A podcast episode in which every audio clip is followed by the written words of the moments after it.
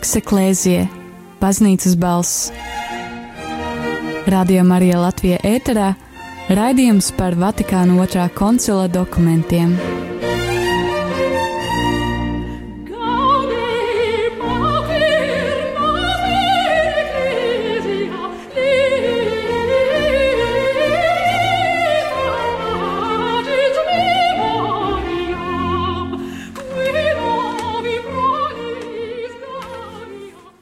Kristus augšām cēlies radio Marija Latvija klausītāji ir 5 un 2 minūtes. Pirmdiena 8. mais un ar tevi ēterā atkal esmu es priesteris Pēteris un ir pienākusi kārtējā nedēļa, kad skan raidījums Vox Eklēzija vai arī latviski baznīcas balss.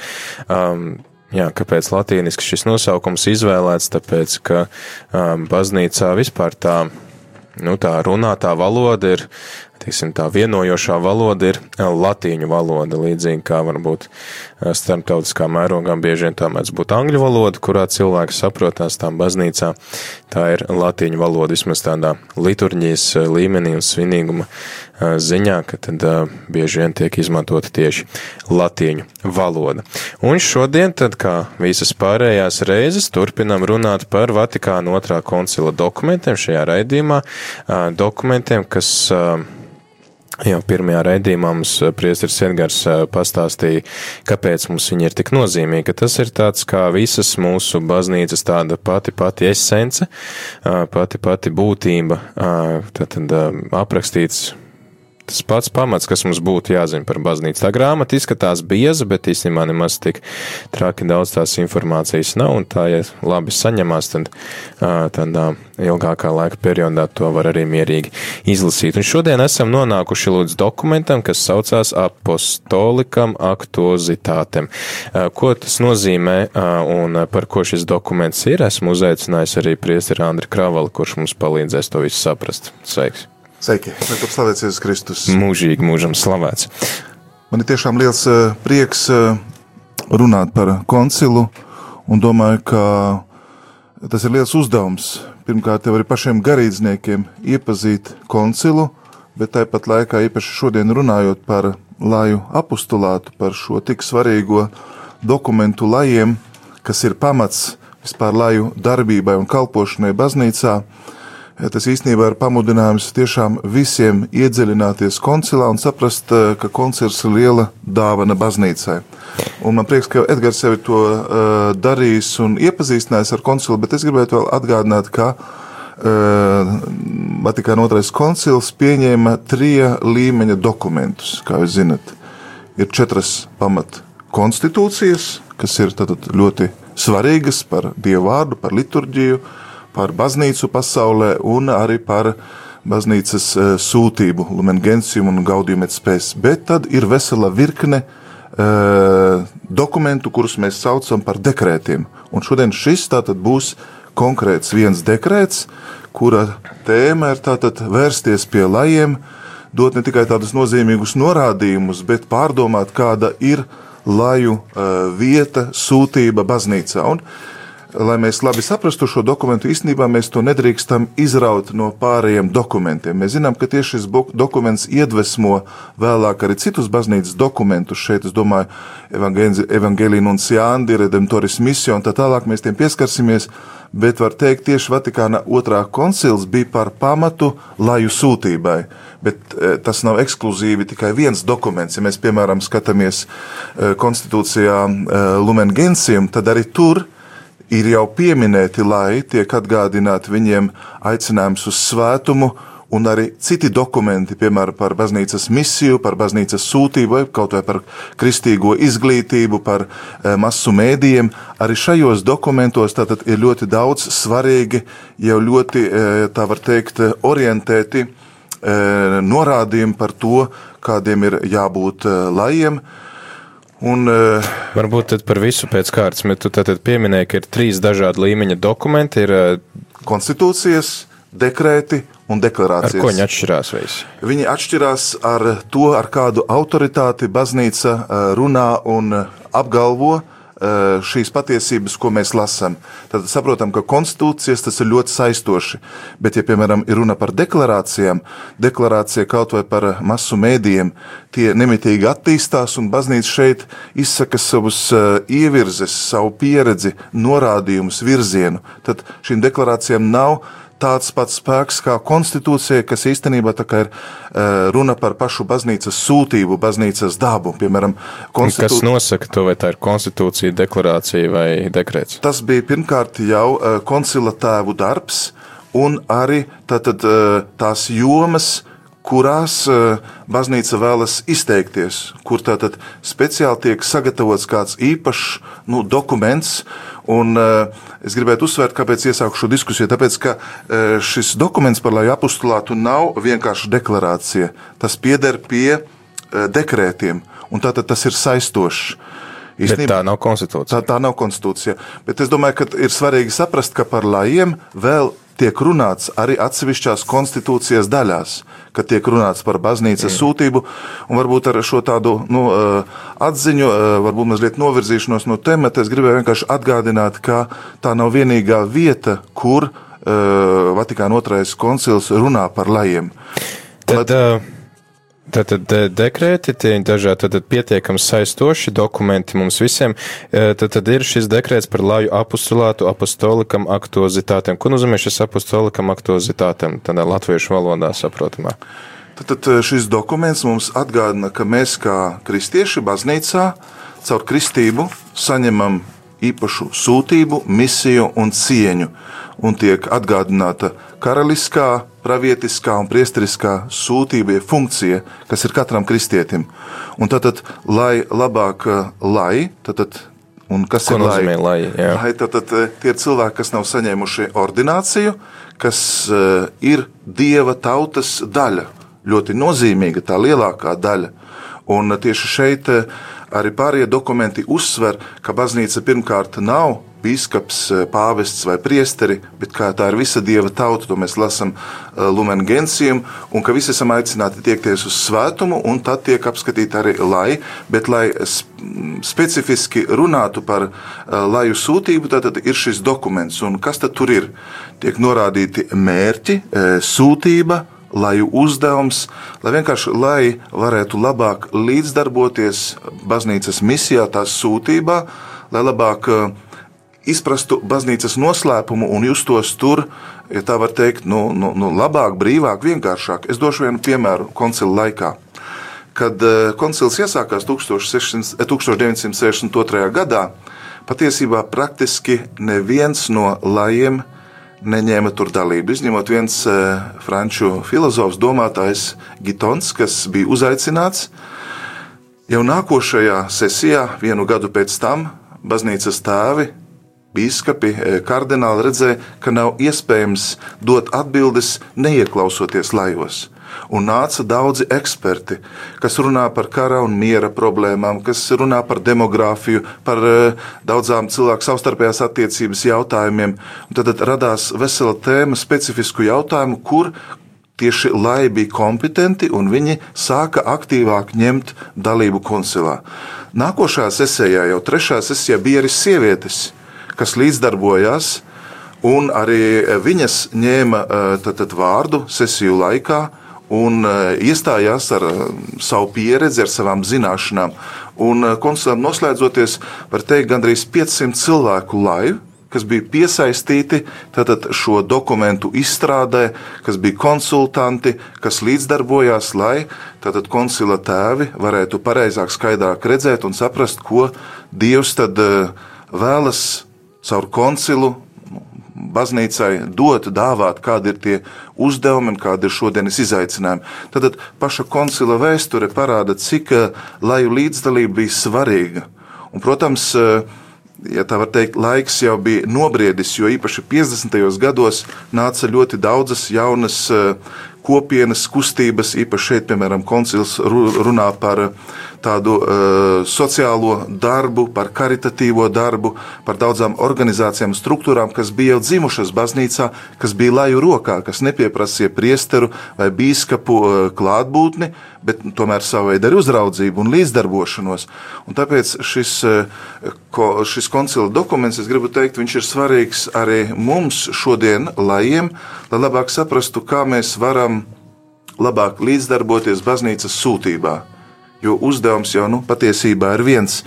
Un, ja tā es atgriežos pie teksta, tad eh, koncils iesākās ar tādu ievadu un saka, nekad baznīcā nedrīkst pietrūkt laju apustulāta, ja tas izriet no viņu kristīga aicinājuma. Tad apustulāts vienmēr būs, jo, kā tagad pāvests Francisks atgādina, baznīca tiek sūtīta, viņas uzdevums ir iziet. Un pamatojums tam mūsu laikmets no lejiem pieprasa nemazāku dedzību, pat vairāk kā pašreizie apstākļi prasa, lai laja veiktu daudz intensīvāku un plašāku apustulātu.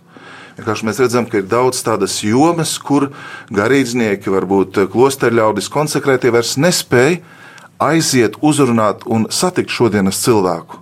Es domāju, ka tieši to ļoti labi parāda arī no radījuma arī Latvijas darbs. Šeit taču ir tik daudz laika, kas ir iesaistījušies brīvprātīgi. Lielākoties. Lielākoties, un tieši tāpēc viņu kalpojums baznīcai ir tik vērtīgs un e, nozīmīgs. Un, e, tad šis dokuments dod tādus svarīgus norādījumus, kādā garā, kādā veidā, kādās attiecībās e, darboties šajā sūtībā. Jā, tad, tad atgādinu klausītājiem, ka ir raidījums Voks Eklēzijas šobrīd ēterā, Radio Marija Latvija. Runājam par uh, Vatikāna otrā koncila dekrētu apostolikam aktuozitātēm, un kas tad arī nozīmē apostoliskā aktivitāte. Un tad, pamatā ir runa par laju aicinājumu baznīcā. Laji tā tad ir visa ticīgā tauta, un kuri nav ordinēti kalpot. Tad mēs visi baznīcā esam dieva ģimene, dieva bērni, daži tiek izvēlēti šim īpašiem ordinētiem kalpojumam, tad visi pārējie šajā tautā ir saukti par lajiem, kas nav tātad konsekrētie vai garīdznieki. Un tad arī kādi ir laju pienākumi, kādi ir apustulāta veidi, kādi ir šie uzdevumi baznīcā, tad par to runāsim pēc dziesmas. Ja tev klausītāji, es domāju, ka tev noteikti ir jautājumi šajā sakarā, jo šis dokuments ir tieši par tevi. Es domāju, lielākā daļa šobrīd mūs klausās, tie ir cilvēki, kas nav garīdznieki, tātad šis dokuments ir īpaši veltīts jums. Es domāju, ka tas arī jūs varētu īpaši interesēt, un jums noteikti ir kādi jautājumi par to, kā baznīca redz, varbūt kā jūs paši redzat savu vietu baznīcā, savu misiju, savu kalpojumu, kas varbūt būtu baznīcā vēl jādara, kas varbūt hierarhijai būtu jāpaman un jāievēro varbūt aktīvāk jāveicina. To visu to var darīt zvanot uz tālruņa numuru 67 969 131 vai arī rakstot īziņas uz numuru 266 77 272. Tie, kas ir joprojām vēl darbā un nav sēdušies mašīnās, lai brauktu mājās, jūs varat rakstīt e-pastu uz studijat rml.lv. Bet tagad laiks dziesmai dziediet tam kungam un pēc tam turpinam tad ar laju pienākumiem un misiju baznīcām. Tu augstu mani cēlis, tu mani dziedināji. Es augsti teikšu tevi, kungs, es augsti teikšu tevi, kungs. Tu glābi manu dvēseli, tu uzturēji mani dzīvu. Es augsti teikšu tevi, kungs. Es augsti teikšu tevi, kungs, dziediet!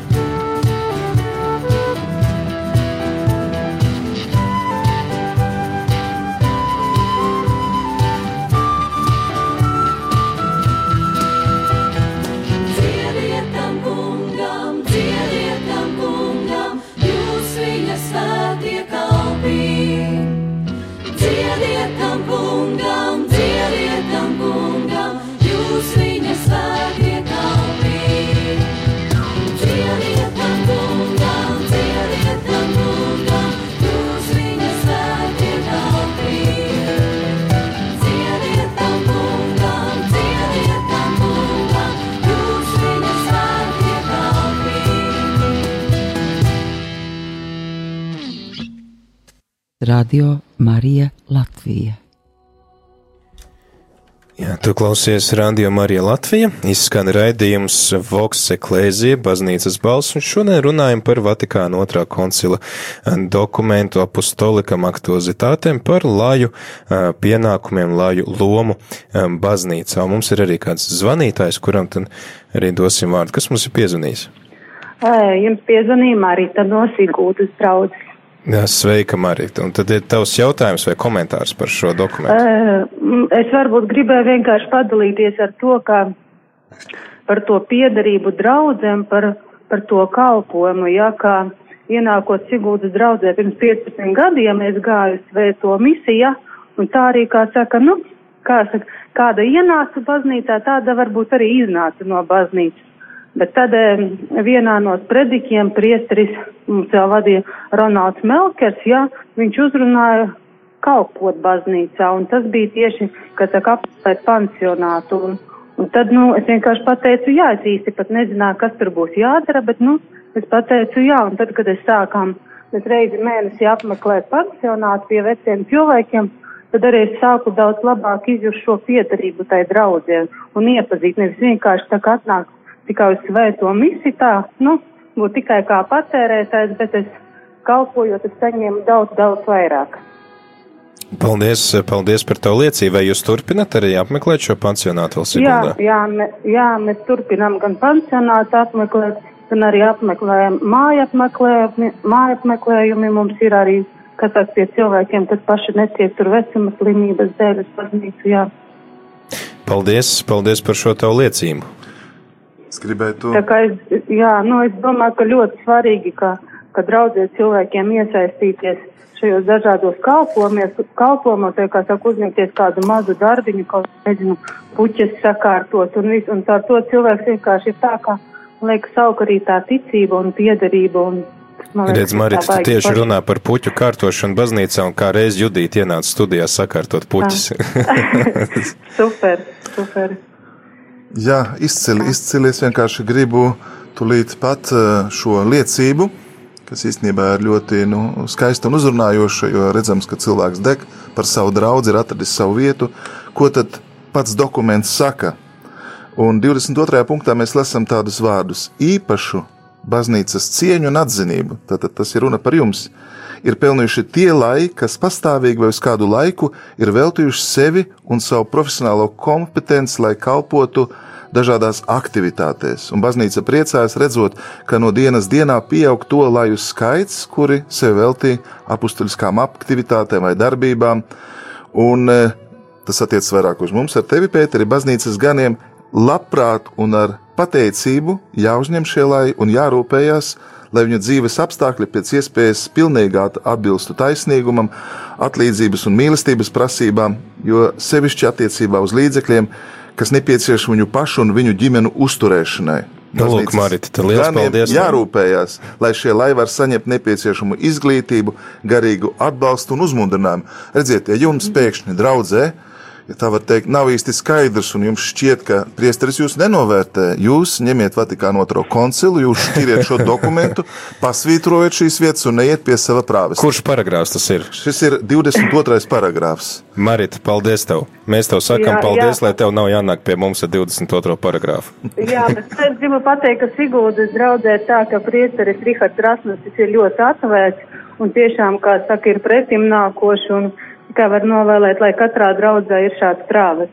Paldies viņam. Un man liekas, ka ļoti svarīgi ir tā, ka, ka prāves ļauj, ļauj, ja? Jā. Saka, šī viņa atvērtība un atvērtība uz to, ka šie lai mēs, kā saka, ticīgā tauta, arī varam kļūdīties. Nu, kā saka, atļaut arī kļūdīties. Man liekas, tas ir ļoti svarīgi. Redziet, šis dokuments, eh, nu, priesterim ne tikai, eh, nu, ļauj, bet viņam ir e, jāspēj līdzdarboties un jāspēj pat pamanīt cilvēku dāvanas un harizmas. Un tāpēc, jo labāk, jo dziļāk jūs iepazīsiet šo dokumentu, jo nu, krāsaināka un e, kalpošanā daudzveidīgāka būs jūsu baznīca. Ja mēs lasām jau gan apakšļu darbus, gan Pāvila vēstules, mēs redzam, kā baznīcā dažādi kalpojumi, uzdevumi, sūtības un misijas savstarpēji viena otru papildināja. Un tieši tad mēs varam teikt, ka baznīca attīstījās, pieauga, ka tur bija kopība, sadraudzība, maizes laušana, ka arī draudzene bija, ja tā var teikt, cienīta no apkārtējiem, jo tieši bija šie svarīgie elementi. Protams, aiz šīs kalpošanas, un to uzsver jau pašā ievadā šis dokuments, ļoti svarīgi ir neaizmirst svēttapšanas un svētdarīšanas ceļu. Mēs labi apzināmies, ka esam Kristus vīna koks, ka esam zari, un īpašā veidā, lai ir aicināti tātad ļauties svētā gara darbam un nest Dieva valstībai cienīgus augļus. Un tad, tad savu profesionālo darbu, prasmes, pat savas attiecības, varbūt draudzību, ikdienas dzīvi, vaļasprieku caurstrāvot ar evaņģēlīja vēsti. Un, um, Pēter, tu jautāji, kāds tad ir šī laju apustulāta uzdevums? To vēlāk eh, Svētais Tēvs eh, jau Pāvis Jānis Pāvils II dokumentā eh, evaņģēliju sludinot vai arī redemptoris misiju īpaši uzsvērs, un viņš teiks, ka ir nepieciešams svētdarīt šo pasauli un ar evaņģēlija spēku to caurstrāvot. Tad ienest Dieva klātbūtni visā, kur jūs vien esiet un ko jūs vien darat. Jā, Marita, es gribu teikt tev lielu paldies par tavu zvanu. Es domāju, ka tas ir, es ceru, ka tas būs arī iedrošinājums citiem klausītājiem zvanīt un rakstīt īziņas un dalīties savu pieredzi un uzdot jautājumus. Un es novēlu tev tad arī sekmes un izdošanos, un lai tu neesi viena pati, kas iet uz to pansionātu, bet lai jūs esat kādi 50 cilvēki un uh, lai, lai vēl ir iespēja arī, nu, tā teikt, lai negulstās uz viena cilvēka pleciem. Dažreiz draudzēs tā arī māc būt. Ir viens mm. trakais, kas ņemās piecās kalpošanās un pārējie tikai mm. skatās Super, jā. tad lai tev veicās, paldies. un jā, mēs noteikti, paldies. ka novērtējam to tavu darbu. Jā, paldies. Ar Dievu. Ar Dievu. Arī paldies. Jūsu, jūsu darbu. Ar Dievu. Ar Dievu. Jā, klausītāji atgādinu, ka arī tu vari līdzīgi kā Marita padalīties ar savu pieredzi un vai uzdot kādu savu jautājumu. Tu vari zvanīt uz numuru 67 969, 131, tātad 67, 969, 131, vai arī rakstīt īsiņas. Ja tev vērtāk ir rakstīt un bail iziet ētrā ar savu balsi, tad raksti 266, 77, 272, tātad 266, 77, 272, vai arī tie, kas klausās mūsu internetā, var droši rakstīt uz studijāt rml.lv. Es domāju, Priesara Andri, ka Marita pacēla divas tādas svarīgas lietas. Viens ir tas, ka tātad katra katram uh, cilvēkam ir sava vieta baznīcā, tas arī šī atsauce, ko tu teici uz to pirmbaznīcu, ja, ka katram mēs arī lasījām vakar uh, apustuņu darbos, ja, ka viņi bija visi kā viens, uh, viens vesels, katram ir savi pienākumi, viņi dzīvo tādā vienkāršībā. Un otra lieta, man liekas, ko viņi arī uzsvēra, kas izriet no šīs sarunas ar Maritu, ir šī sadarbība ar hierarhiju, ka tas nav garīdznieki tauta, bet ka tas ir visi kopā, ka viens, nu, ka, teiksim, tā garīdznieki kalpo tautai īpašā veidā, lai viņi var tad arī pildīt tos savus pienākumus un to savu misiju. Šeit būtu viens eh, tāds ļoti svarīgs aspekts, un par to runā dokuments 21. paragrāfā Un e, es domāju, ka šeit ir jāieklausās ļoti stipri mums visiem. Runa ir par dažādām organizācijām, kopienām un struktūrām. Un pirmkārt, e, koncils šī dokumentā uzsver, cik pozitīvi, ka cilvēki sapulcējas kopā pēc savām interesēm, e, profesionālās, varbūt orientācijas, un ka viņi tādā veidā nav vieni. Un tieši šajā dokumentā koncils saka, šodien to vidū ir īpaši jāatzīmē dažādas katoļu savienības, biedrības, organizācijas un struktūras. Tad, manuprāt, tā ir ļoti laba baznīcas atbilde, kā nepagurt, kā netikt izsmeltam, ja mēs nepaliekam vieni paši, bet esam kopā. Un tieši šajā dokumentā baznīca iedrošina organizēt, pulcēties, dibināt eh, dažādā veidā nu, tādas struktūras, kas var līdzdarboties sabiedrības procesos. Es domāju, šeit dažreiz uzdot tādu jautājumu, es pat esmu dzirdējis uh, Radio Marija, vai uh, kristietis var iesaistīties politikā. Tad tieši šeit Obligāti. īstenībā viņa pienākums ir to darīt. Tēvzemes mīlestība viņu pieprasa, un, kad cilvēki ir kopā, tad viņi var arī daudz labāk ietekmēt dažādus procesus. Un tieši šī, šis dokuments dod tādus ļoti, ļoti svarīgus kritērijus, kā tad šīm organizācijām, kā tad šīm struktūrām ir jārīkojas, kas viņiem ir svarīgākais un kādi ir viņu kritēriji. Jāsaka, ka šie kritēriji vēlāk arī tiks atgādināti arī citos dokumentos, un es gribētu šeit vismaz dažus uzskaitīt. Un pirmkārt, viens no kritērijiem, ka šai organizācijai ir jāpazīst baznīcas apustuliskie mērķi ko īstenībā nosaka bīskaps. Un tātad tā ir svētdarīšana, tā ir evanģelizācija, tā ir sirdsapziņas veidošana, lai tātad visa šī dzīve, kā es sacīju, būtu ar evaņģēlīja garu caurstrāvota, un lai kultūra, lai sabiedrības aprindes un vide iepazītu kristīgo vēsti. Otkārt, jau sacīji, un pieminēji tas ļoti svarīgi, tas ir otrais punkts. Es šeit runāju par 20. paragrāfu, ka svarīgi ir sadarboties ar hierarhiju, dalīties pieredzē, bet nebaidīties uzņemties atbildību, vadīt, pārzināt apstākļus, ieteikt, tad ņemt dalību baznīcas tādā pastorālajā sūtībā, e, līdzdarboties baznīcas pastorālo programmu izveidošanā. Tad arī Dažādas kustības un organizācijas nav uh, vienkārši kaut kādas neatkarīgas saliņas, bet tās var būt organiski saistītas arī ar citām apvienībām. Piemēram, es došu piemēru Karitas Latvija. Piemēram. Uh, šī organizācija, kas visā pasaulē ir pazīstama kā katoļu palīdzības organizācija, šeit darbojas Latvijas apstākļos. Un tad arī laiki, kuri uzsākuši darbību pēc personiskās iniciatīvas, tiek uzaicināti, varbūt iesaistīties arī apustulātā un darboties, uh, respektējot hierarhiju, līdzdarbojoties, palīdzot un arī gaidot mandātu. Jo atsevišķos gadījumos, piemēram, mēs šeit arī pirms tam runājam, ir kalpojumi, kurus tad baznīca var mandatēt. Piemēram, nu, draudzē, kaut vai grāmatvedības kalpojums, varbūt svētās komunijas izdalīšanas akolīta, lektorāta kalpojums. Tas viss izriet arī no tad baznīcas uh, sūtības un laju uh, lomas, laju cieņas. Šis dokuments arī runā par laju garīgumu, kas ļoti atšķirsies no priestera vai mūku garīguma, jo viņu dzīvesveids, prasības, sūtība, arī, eh, piemēram, ģimenes eh, realitāte, eh, viņus, ja tā var teikt, šī pasaulē, nu, liks viņiem rīkoties un domāt savādāk. Un svarīgi, ka baznīca to pazīst, respektē un arī līdzdarbojās un dod visu nepieciešamo.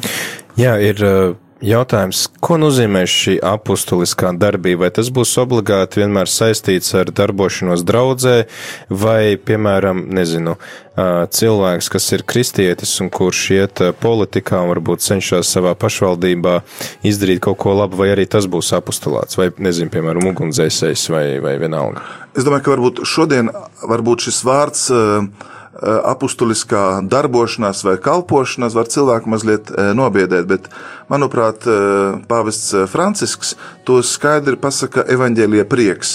Tad, tad tu dzīvo evaņģēlīja garā, un evaņģēlījis tev aicina iet pie otra, atvērties, padziļināt savu izpratni un nest evaņģēlijā prieku. Ja atceramies vakardien tieši vēstījumā, pāvests saka, nu, e, misionārais prieks, kas rodas no evaņģēlijas sludināšanas, tas ir gan uzdevums, gan arī katra kristieša pienākums. Ja viņš saka, pēc sastapšanās ar šo pieredzi mēs, mēs, ne, jā, mēs ejam pie citiem, stāstam arī pārējiem. Un ja mēs vēl to nestāstam, un mums šis vārds apustulāts it kā mazliet mulsina, tad varbūt pilnā mērā mēs vēl nesam nu, iepazinuši pieņēmuši vai iemīlējuši Kristu un viņa baznīcu.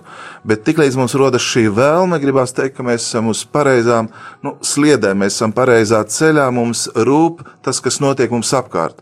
Ja mums nerūp, tad mēs tiešām rīkojamies kā kains, kas saka, nu, es neesmu sava brāļa sargs, bet tā mēs nevaram teikt. Mēs zinām, no kā tas radās šis teiciens. Un tāpēc tāda uh, rūpe un uh, atbildības uzņemšana un līdzdarbošanās atnākot varbūt pie draudzes gana, eh, iesaistoties dažādu organizāciju, kustību kalpošanā, tad arī mūsu dzīve kļūst daudz krāsaināka. Bet eh, nav tā, ka varbūt no vienas puses, tā kā baznīca saka, jā, lūk, lajiem ir daudz eh, ko darīt un ir, ir plašas iespējas. Protams, tas arī tad varbūt, kā arī Marita teica, ar šo prāvestu atsaucību vai varbūt arī prāvestu aicinājumu. Bet vai nav tā, ka mēs varbūt no otras puses uzliekam tādu kā nastu? Ja es tagad iedomājos, piemēram, mūsu klausītāju Inese, kas dzīvo, dzīvo Jēkabpilī, audzina trīs meitas, ir visu dienu mājās un, un pieskat, uh, jo bērni ir ļoti mazi, jā, ir, ir no, no gada līdz sešiem, un vīrs strādā, tad, nu, tagad vēl likt šai, šai mātei, kas eh, visu dienu maina pamperus un tīra māju un tā es ēst, vēl likt tagad iet pie citiem un pateikt, ja tu neej pie citiem un nedalies ar to prieku, ko tu saņem no Jēzus, tad, eh, nu, tu, tu neesi īsts kristietis, tad ko mēs varam ieteikt šādam klausītājiem? No, pirmkārt, paldies Dievam, ka šis dokuments runā un vēršas pie ģimenēm vēršas atsevišķi pie jauniešiem, vēršas arī pie struktūrām, organizācijām, un arī atgādināšu 21. un 22. paragrāfs. Ja šāds cilvēks darbojas, un eh, baznīca vai prāvests nu, neatbalsta un neņem vērā viņas konkrēto situāciju, tad tas vairs nav taisnīgi. Tad eh, nu, prāvests īsti neredz un nedzīvo līdzi un nesaprot nu, laju vajadzības. Un tāpēc, esot kopā, esot kopībā, mēs labāk varam pārunāt, dalīties, saprast. Es došu vienu citu piemēru. Kanoniskās tiesības mums prasa, lai draudzēs būtu, piemēram, ekonomiskās padomas lai būtu liturģiskā tāda, nu, neteiksim komisija, bet liturģiskā kalpošana, kur pārdomātu e, tātad baznīcas liturģiju. To visu ir e, pastorālā padome. Pastorālā padome ja? tad, tad ekonomiskā padome arī draudzē, baznīcas kaut kāda misionārā virzība, dažādas cita veida plānošanas, kalpošanas, karitatīvās darbības. Ja vairāk cilvēki iesaistās, uzņemās atbildību, viņi īstenībā atver ceļu citiem, citi atrod savu vietu, viņi saprot, ka šie kalpojumi nav ekskluzīvi, bet eh, viņi, ja tā var teikt, kā svētie raksts saka, nesot cita, cita nastas, mēs izglābjam savas dvēseles. Un tieši šādā veidā līdzdarbojoties, ņemot e, Kristus jūgu, mūsu dzīve kļūst skaista. Tā nav nomācoša, un mēs neejam baznīcā, lai uzņemtu kādu slogu, bet gluži pretēji, lai savu dzīvi padarītu skaistu, Dieva mīlestības caurstrāvotu jo svētīgāk ir dot nekā ņemt. Bet, ja mēs nemitīgi koncentrējamies domājam, nu, kā man, kā man, kā man, mēs īstenībā paši jau nu, jūtamies nelaimīgi un, un, un aplami un greizi dzīvojam. Jā, mums ir arī kāds eh, klausītājs piezīmējis. Kas mūs sazvanīs?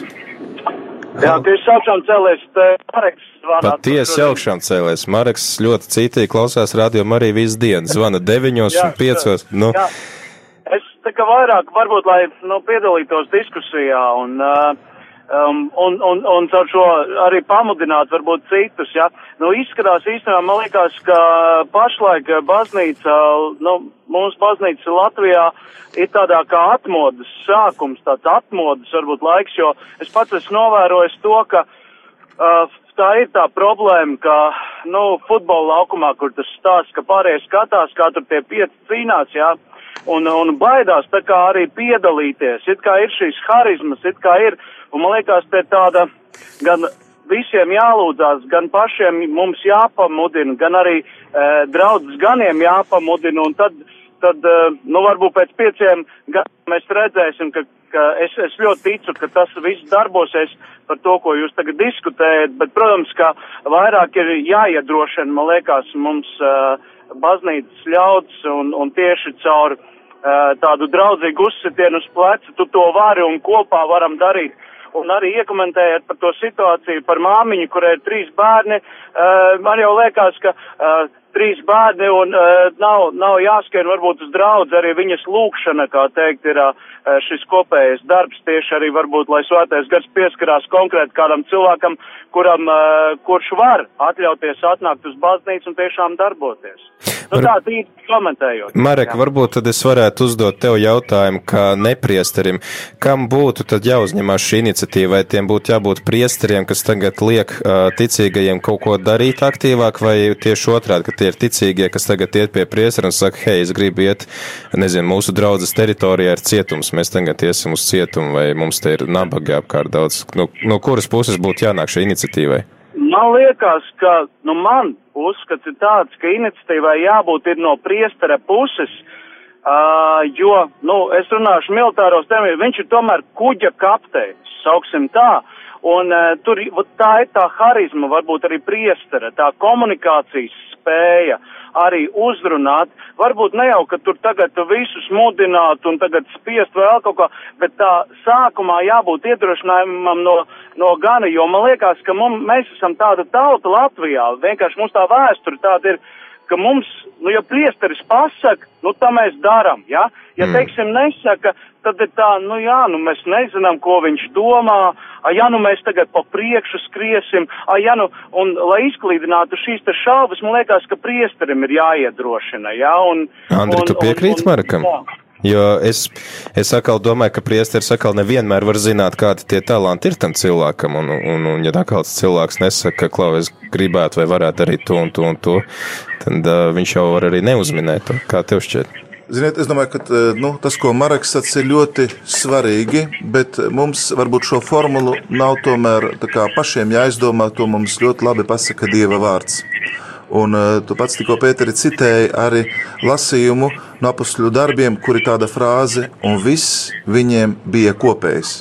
Tas nenozīmē, ka viņi bija izveidojuši komunu, viņi nedzīvoja kaut kādā kolhozā vai klosterī, bet kopējas intereses, kopējas vajadzības. Un, ja man liekas, ka garīdznieks tiekās ar lajiem, ar savu draugu, tos uzklausa. Mums, piemēram, bija tāda skaista tradīcija, piemēram, sestdienās brokastis ar priesteri.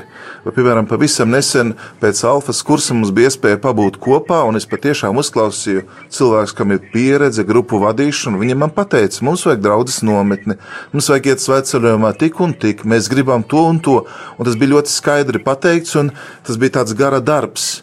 Tāpēc, manuprāt, ja, tā, tad, uh, priesteri nav vienīgie, kurus vada eh, svētais mm. gars, bet svētais gars ir par dieva tautu, kur tā lūdzās, lasa dievu vārdu, kur uzticīgi kalpo.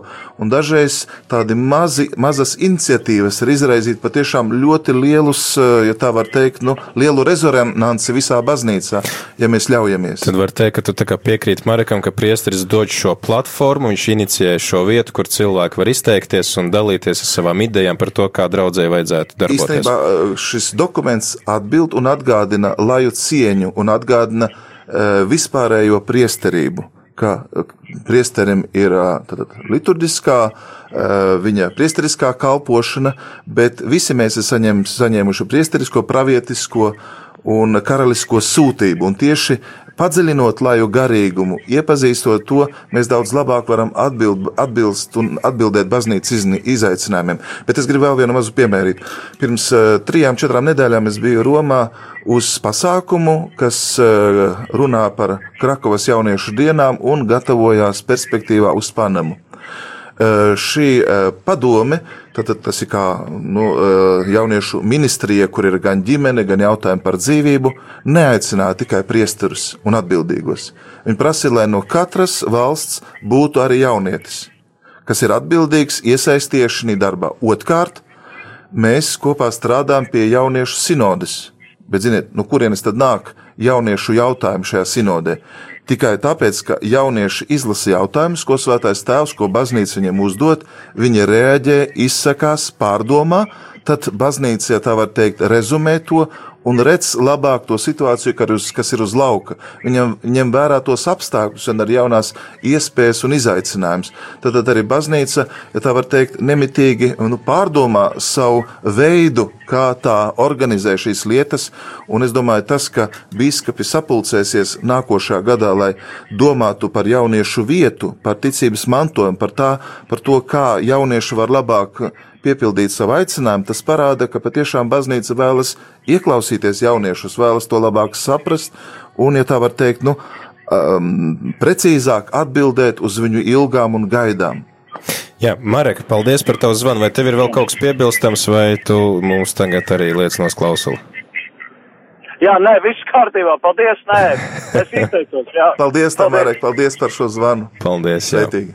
Varu, varu arī piebilst to, ka Mareks ir arī aktīvs kalpotājs šeit Radio Marija, un jā, tieši katra mēneša otrā pirmdiena ir tā pirmdiena, kad viņš arī kalpo šeit, lai mēs varētu visi sekot līdzi svētās mīsas translācijai, un pēc tam arī lūgties rožu kronu, tā kā liels paldies arī viņam par šo kalpojumu. Es domāju, ka ir laiks dziesmai, ir bijusi tad ļoti aktīva saruna, ir laiks dziesmai, un kā reiz mēs runājām par to, ka mēs baznīcā visi esam kā, nu, tādā kopienā, mums visiem, var teikt, visi kopīgs, mēs esam kā tāda ģimene, tad arī klausīsimies prosanktitātes dziesmu, mēs esam viena ģimene.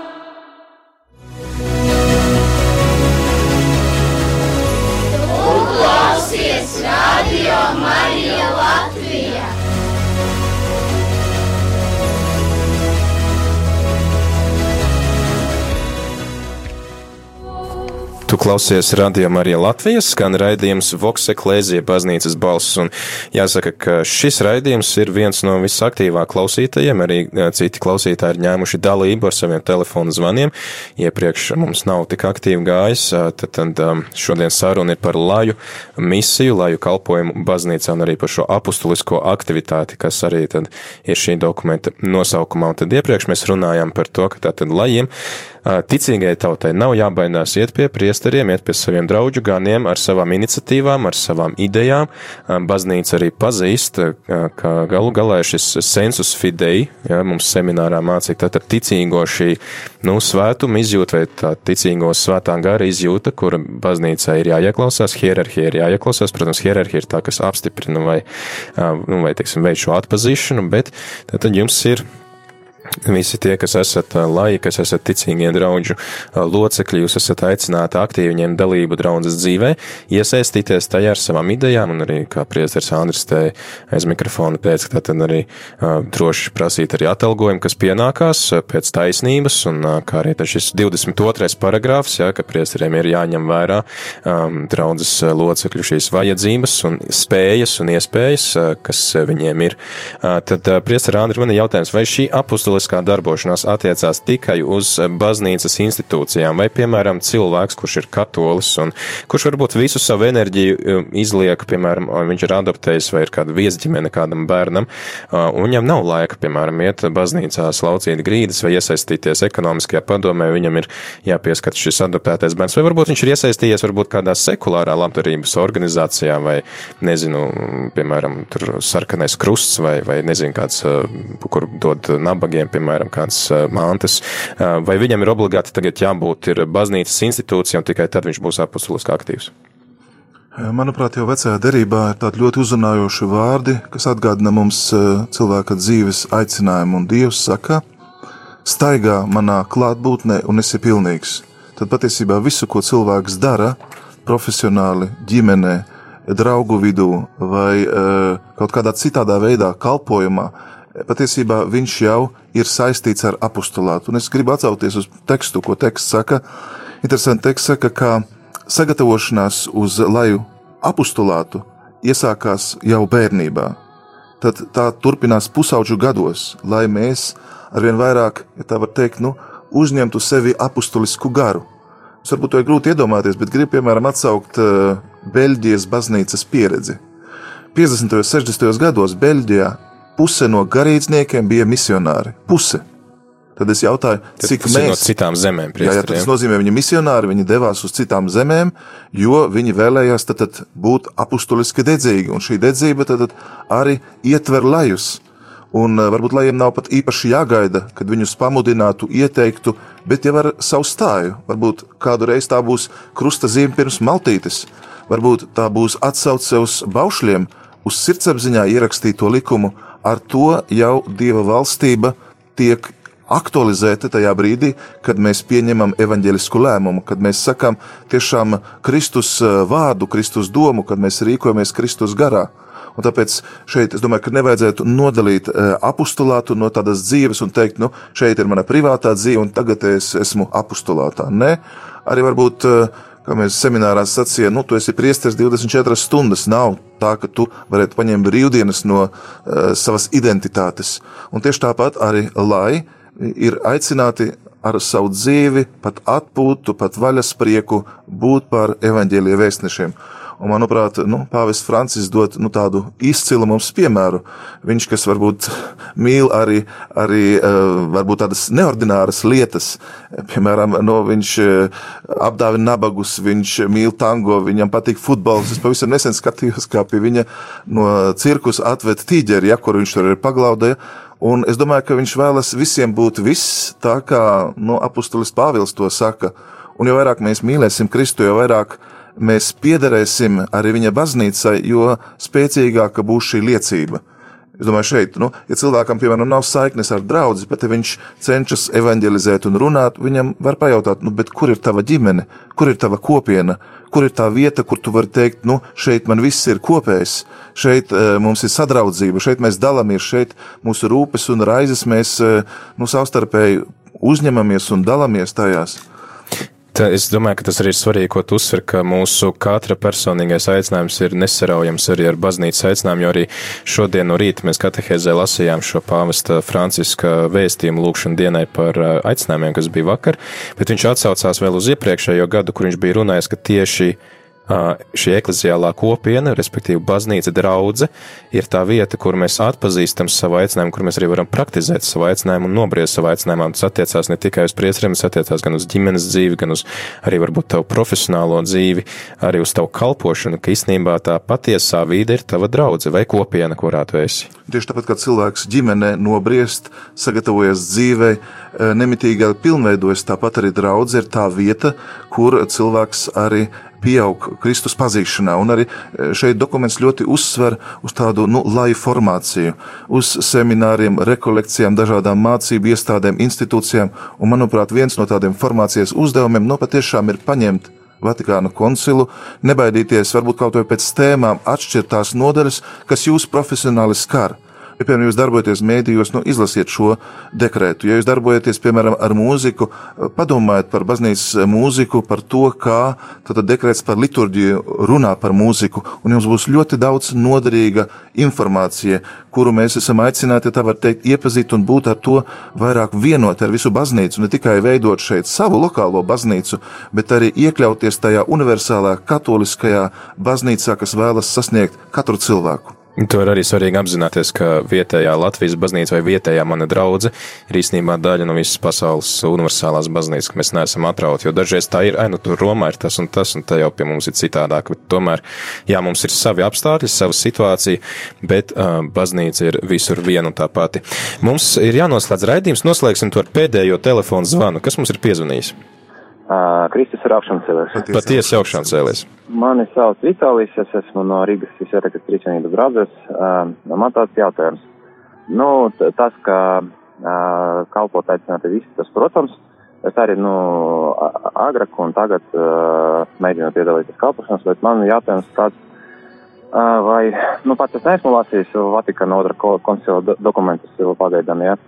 Bet vai tur ir kaut kas teikts par to, nu, lai pasargātu pašus katoļus, nu, lājus, jā, no tādas, nezinu, kaut kādam tādam lietam, ka, kad viņi neatpazīst tas svēta gara iedvesmas un, nu, aiziet neīpaši pareiza ceļa. Man vienkārši, nu, pašam kādus seši gadi atpakaļ bija tāds posms, kad es, nu, pārāk fanatiski aizravos ar visu tam kalpošanam un uh, augļi, nu, tā, nu, tā, tā, kā tā, ka nebija īpaši labi. Uh, tagad atradas, nu, sanāca iziet no tās situācijas un kaut kādu balansu atrast tādu. Bet, nu, man jautājums, vai kaut kas ir tieši ot Vatikāna laikā. Kā pazīt to Dieva gribu, ja? Kad... Jā, un, nu, ne, neaiziet tādus, nu, kaut kādus, nu, nezinu, nu, nepareiza saprašana, ka cilvēks sāk tur mm. uh, fantazēt, ka redz svēto garu, jā, nu, tur mm. uh, komunicē pa taisnu un tā tālāk. Paldies jā, par jautājumu. Paldies par tavu jautājumu, Priester Andri, kas... Es ļoti īsi pateikšu. Pirmkārt, šis dokuments tieši dod norādes, uh, piemēram, par um, sadarbību um, ar uh, citām kristīgām tradīcijām. Tas ir ļoti svarīgs jautājums. Cik tālu mēs varam iet? Te ir runa par ekumenisko dialogu. Cik tālu mēs varam sadarboties arī ar tiem, kas nav kristieši. Un tieši šis dokuments, tā var teikt, novelk tās pareizās robežas un arī īstenībā cilvēku pasargā. Un, manuprāt, šeit ļoti liela nozīme kopienai. Ja man kopiena ir blakus, piemēram, man ir ģimene, nu ģimene kā pirmā kopiena man pateiks, nu, tu nevari būt baznīcā projām un atstāt savus pienākumus. Mm. Ja es, piemēram, dzīvoju celibātā, nu, brāļu māsas man pateiks, zini, tev jādomā par savu aicinājumu, par atpūtu. Un tāpēc tie cilvēki, kas ir blakus un arī kontakts ar ganu, Un uh, tagad tieši šis evaņģēlijs, es esmu labais gans un īstenībā nu bīskaps un arī prāvests pilda šo gana sūtību un funkciju, un tāpēc vienmēr var atnākt, pakonsultēties, pārunāt, izteikt savas domas. Varbūt pirms kā mēs nākam ar kaut kādām publiskām deklarācijām vai saorganizējam kādu grupu, mēs varbūt tiešām palūdzamies, pārunājam ar atbildīgām personām, ar tām, kam ir pieredze, un tad tas rezultāts noteikti būs labāks. Bet es pilnīgi piekrītu zvanītājiem, ka ir jābūt nomodā par savu garīgo dzīvi, nav jāiztukšojas. Kristus negrib mūs salauztus, nomocītus vai pārpūlējušos. Ir jābūt evaņģēlie priekam. Viens ir tātad šī mana personīgā sirdsapziņa, kas ar mani runā, un otrs tā nedrīkst, tas mans aicinājums nedrīkst man nošķirt no kopienas. Tātad arī, un tad trešā lieta ir tas, ka arī tad, tomēr uh, hierarhijai, respektīvi biskupiem, priesteriem, Dievs arī ir devis tādu īpašu svētā gara dāvanu atpazīt. Jā, tad, Vitālija, vai mēs esam atbildējuši tev jautājumu? Nu, jā, pilnībā. Paldies, Paldies. tev, Vitālija. Tā kā lasi, lasi Vatikāna otrā koncila dokumentus, tur ir atbildes. Būs Būs jāiegādās to, ka laika. Paldies! Super, paldies par tavu zvanu, un es domāju, ka mēs arī ar šo Vitāliju jautājumu varam noslēgt. Tad autentiski pazīt Dieva gribu, mēs varam arī, kā pāvis saka, lasot Dievu vārdu, lūdzoties, bet arī tad runājot ar baznīcas autoritātēm, kuriem Dievs ir devis šo spēju pazīt Dieva gribu, pazīt svētā gara vadību, un varbūt kādā reizē man liekas, ka man ir kaut ko jāiet darīt, bet prāvis var pateikt, ka šoreiz nē, varbūt vēlāk, un tas arī nesīs augļus. Mums atkal jāmācās būt paklausīgiem, pazemīgiem. Varbūt priecā Andri, tad kāds novēlējums visiem mūsu klausītājiem, lajiem un arī garīdzniekiem, kas varbūt šobrīd dzird šo raidījumu. Šī dokumenta kontekstā. Kā garīdzniekiem es gribētu arī sev novēlēt, ka mēs visi šajā pasaulē ienākam kā lai, un mēs atklājam savu aicinājumu. Un tāpēc ļoti svarīgi vienmēr ir atcerēties, ka mēs esam Dieva tauta un esam patiešām atbildīgi par savu baznīcu, kur ir svētā gara klātbūtne, kas ir Dieva ģimene. Un tādā nu, Pāvests runā par sadraudzības un arī par tikšanās kultūru, īpaši par tādu kultūru, kas ceļ tiltus, kas palīdz cilvēkiem atrast eh, nu, savu dzīves jēgu, identitāti, savu sūtību, savu aicinājumu. Manuprāt, baznīca ir kā tāda nu, sirma māte, kurai ir ļoti liela pieredze, zināšanas, gudrība un kura vēlas palīdzēt. Un tāpēc mans novēlējums ir mīlēsim baznīcu, jo Kristus par viņu ir devis savu dzīvi, un baznīcā mēs atradīsim gan piepildījumu, gan jēgu, gan no baznīcas saņemsim sūtību un aicinājumu izpratni. Paldies, paldies, Priester Andri, ka atradi laiku būt kopā ar mums, un paldies arī uh, visiem klausītājiem, kas tik aktīvi iesaistījās, un tad arī es novēlu katram atrast savu aicinājumu un droši tad arī iesaistīties tajā, un atgādinam tad arī šo 22. paragrāfu. Ja gadījumā jums liekas, ka baznīca netaisnīgi pret jums izturās, tad rādiet šo paragrāfu, ka lūk, baznīca pieprasa, ka tiek novērtēti lai un izvērtēti arī viņu visas iespējas un spējas kalpot un arī saņemt attiecīgu arī pateicību par to visu. Ar to mēs arī noslēdzam šo raidījumu. Beigās vēl noklausīsim klausīsimies semināristu dziesmu Dievam kalpošana, kas atgādina mums par to, kādos veidos mēs varam kalpot Dievam, tad jau pēc tam svētās mīsas translācija no Rīgas svētā Franciska baznīcas.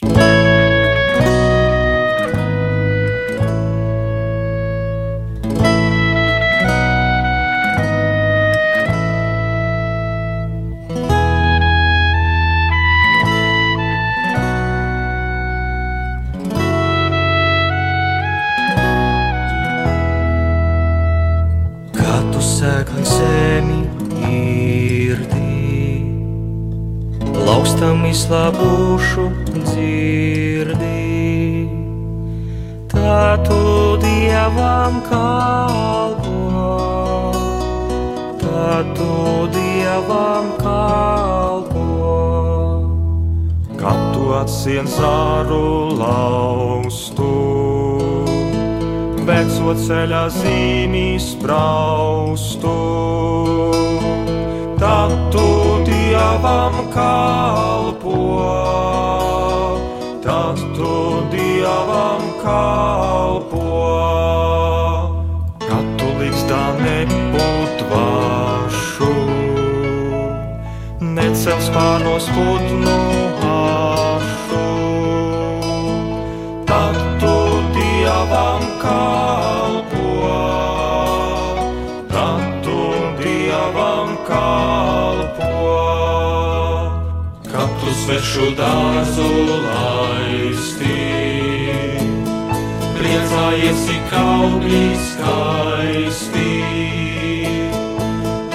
tu Dievam kalpo, tad tu Dievam kalpo.